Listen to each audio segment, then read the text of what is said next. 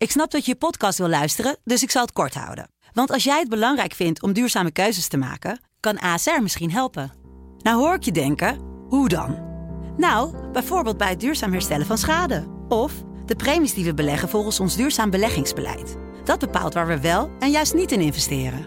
Wil je meer weten over welke duurzame keuzes ASR maakt? Ga dan naar asr.nl slash duurzame keuzes. ASR doet het. Zo, dan kan je nu lekker naar je podcast luisteren. Dit is Trick Privé, de dagelijkse showbiz-update met Evert Zandgoeds en Jordi Versteegde. Evert, goedemorgen. The day after. Zo, Nou, zeker. Ja, Glennis, eindelijk. Na al die maanden deed ze de mond open. Alhoewel, heel veel kwam er niet uit. En heel veel zinnigs kwam er al helemaal niet uit. Ik Mhm. begrijp nog steeds niet waarom haar advocaat, die zo pontificaal op de eerste rij zat, Kerem Kanatan, dit nou zo'n goede actie vond. Om een week voor de rechtszaak ineens alsnog te gaan zitten vertellen. wat er dan volgens haar allemaal al dan niet gebeurd is. En dan één vraag werd maar niet gesteld. Want eindelijk werd dan duidelijk dat die jongen niet bij de deur had staan roken, maar door de hele winkel. ja. Maar het was 12 februari.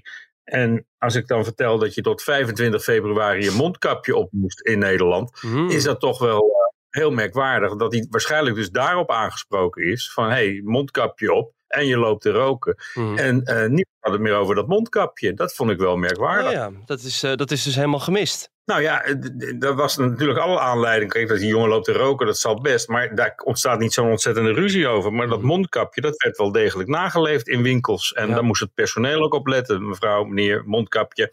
Oh ja, en dat duurde toch nog eh, twee weken nadat, eh, nadat dit incident plaatsgevonden had. Vanaf november moest, je bent het bijna allemaal vergeten, Zo, maar zeg dat. Het- jaar zomer daarvoor werd het afgeschaft. Ja. En in eh, november kwam het terug tot 25 februari dus. Dus ja, het incident valt in die periode. Hey, en welk gevoel overheerst er nou na dit optreden bij Jinek van Glennis? Nou, ik vond het gewoon eh, niet sterk. Pas tegen het einde, toen ze begon over vrienden die er in de steek laten, dacht ik van ja, nou ja, meid, je hebt ook een hoop meegemaakt. Maar ja, dat heb je wel over jezelf afgeroepen. En inderdaad, ze had gewoon de dag daarna aangifte moeten doen als zij vond dat er zo'n meer had aan jeugdpuisjes. En eh, dan had ze naar de politie gemoeten. En dat is het gewoon de aangewezen weg om. eh, om, om, om zoiets aan te pakken. En, en, niet met een hoop mensen verhaal te gaan halen in een supermarkt. Want het risico dat dat uit de hand loopt. Zeker als je ook je eigen temperament kent. Zoals Glennis Grace zo langzamerhand zou.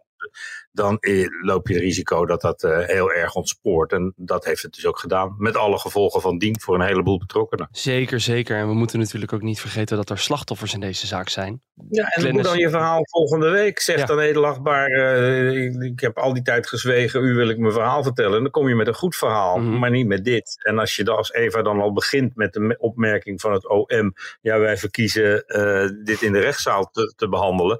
Wat niet helemaal zo is hoor, want ze hebben zelf naar buiten gebracht dat Glennis gedagvaard zou worden, nog voordat ze gedagvaard werd. Mhm. Deze week liet het OM weten dat de, de aanklacht verzwaard was, nog voordat Glennis dat zelf wist. Dus eh, dat, dat, dat klinkt wel heel netjes en heel verstandig. Maar het OM heeft zich ook laten verleiden tot eh, allerlei uitspraken in de media. Mhm. Dus eh, ja, eigenlijk ja, de grote storm is nog niet gaan liggen. Nee, en of er dat zal helpen, dit gegeven, dat vraag ik me ook af. De grootste storm die komt volgende week Ja. als de hele pers zich verzamelt in die rechtszaal. En zij daar eh, alsnog een keer een verhaal moet doen. Ja. Waarvan ze maar moet hopen dat dat precies hetzelfde is als wat ze gisteren verteld heeft bij Eva Jinek. Ja, en dan eh, zullen wij daar natuurlijk ook weer eh, in de podcast het over hebben, denk ik, Evert. Dat neem ik aan. En Saskia Belleman zal ongetwijfeld op de eerste rij zitten. Dat, Ja. dat hoop ik ook. En waarschijnlijk krijgen we dan ook een mooie tekening van onze collega Petra Urban. Nou, dan is Nou, het cirkeltje compleet.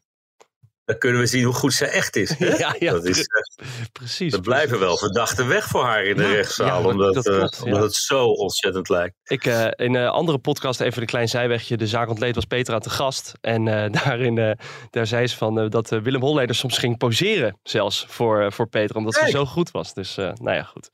Kleine, kleine zijweg. Hey, over mooie nou, tekeningen en foto's gesproken, er komt een boek van Humberto Tan aan. Umberto Tan heeft de smaak helemaal te pakken na zijn deelname aan het, eh, het, het- het perfecte plaatje van fotograferen. En hij is drie jaar bezig geweest met een boek waarin hij 100 jaar geportretteert. Niet alleen qua foto, maar ook qua verhaal. En uh, dat boek gaat uh, binnenkort verschijnen. Een, een koffietafelboek. Ja. Daarmee bereid ik je langzaam voor op de prijs die dat uh, product meekrijgt. Hij gaat er namelijk 100 euro voor vragen. Zo, Dus wil, wil jij Umberto Tan zijn werk op je koffietafel hebben? Nou, dan kun je aardig wat kopjes koffie voor drinken. En uh, ja, hij heeft uh, wel een, als introductieprijs. De eerste week kost het slechts 75 euro. ach. Maar ja, voor een boek van Umberto Tan, ik vind het behoorlijk aan de prijs. Ja, dat, uh, dat kun, kun, je wel zeggen. Ben jij eigenlijk een beetje een lezer, uh, Evert? Een lezer? Ja, ja, zeker. Ja, ik lees aardig wat weg. Dus, uh, alleen tijdschriften en kranten wat voor mijn werk moet. Maar ja, okay. ja, boeken mag ik ook nog wel tot, graag tot me nemen. Dat is goed Op vakantie vooral. Nou, dan weet ik misschien uh, wat ik uh, voor, je, voor je verjaardag moet aanschaffen. Het boek van Umberto Tan, als ik hier even de rond ga op de redactie. Zo, nou dan mag je Moet ik veel collega's strikken. ja. En dan uh, nou, natuurlijk uh, de Hazes documentaire. Zit je al klaar? Ja, vanavond is het zover. Ja. André die geeft een feestje met al zijn vrienden en collega's. Mhm. En uh, Tuschinski zit ongetwijfeld vol. En de grote vraag is, is Monique daar ook bij? Ja. Nou ja, je zou zeggen van wel natuurlijk. Want ze laten niet na te laten zien hoe uh, gelukkig ze samen zijn. En hoe verstandig ze omgaan met de zorg voor hun uh, zoon André. Mhm. En uh, dan zou het raar zijn als ze er niet was. Want dan krijg je die verhalen weer allemaal. Maar ja, Monique komt daar wel een paar mensen onder ogen dan. Ja. Haar schoonmoeder, Rachel, met wie het niet zo lekker loopt. Uh, Zouden die allemaal, die niet, allemaal op één rij ze die zitten dan? Sarah al kent. Nou, dat denk ik. Tuschinski is groot genoeg en heeft ook een balkon om ze eh, ver uit elkaar te houden. Maar het zou raar zijn als Monique er niet bij was. Ja, en dan, dan vanavond is het zover. En dan krijgen we eh, waarschijnlijk weer ontzettend veel ja, mensen die er van alles van gaan vinden. Um, kan dit ook nog op de een of andere manier een soort van backfire op uh, André Hazes zelf? Dat het, dat het toch nou, niet... er zijn al wat mensen die ik gesproken heb die, uh, de, die er van alles van vinden. En die vinden vooral de eerste drie afleveringen behoorlijk saai en tegenvallen. Echt? Dus uh, ja, na alle hooggespannen verwachtingen vond Ja. ik dat wel een enorme anticlimax toen Oké. ik dat hoorde. Ja. Maar nogmaals, ik heb het zelf nog niet gezien. Ik ga dat morgen zeker doen. ja, en dan hebben we het... En, eh, eh, Als het weer. niet goed is, en da- ja, dan, dan kan het wel backfire. Ja. Als het echt één grote ego-show is. Met eh, heel veel shots van camera's die om hem heen lopen in Las Vegas en op andere vakantiebestemmingen.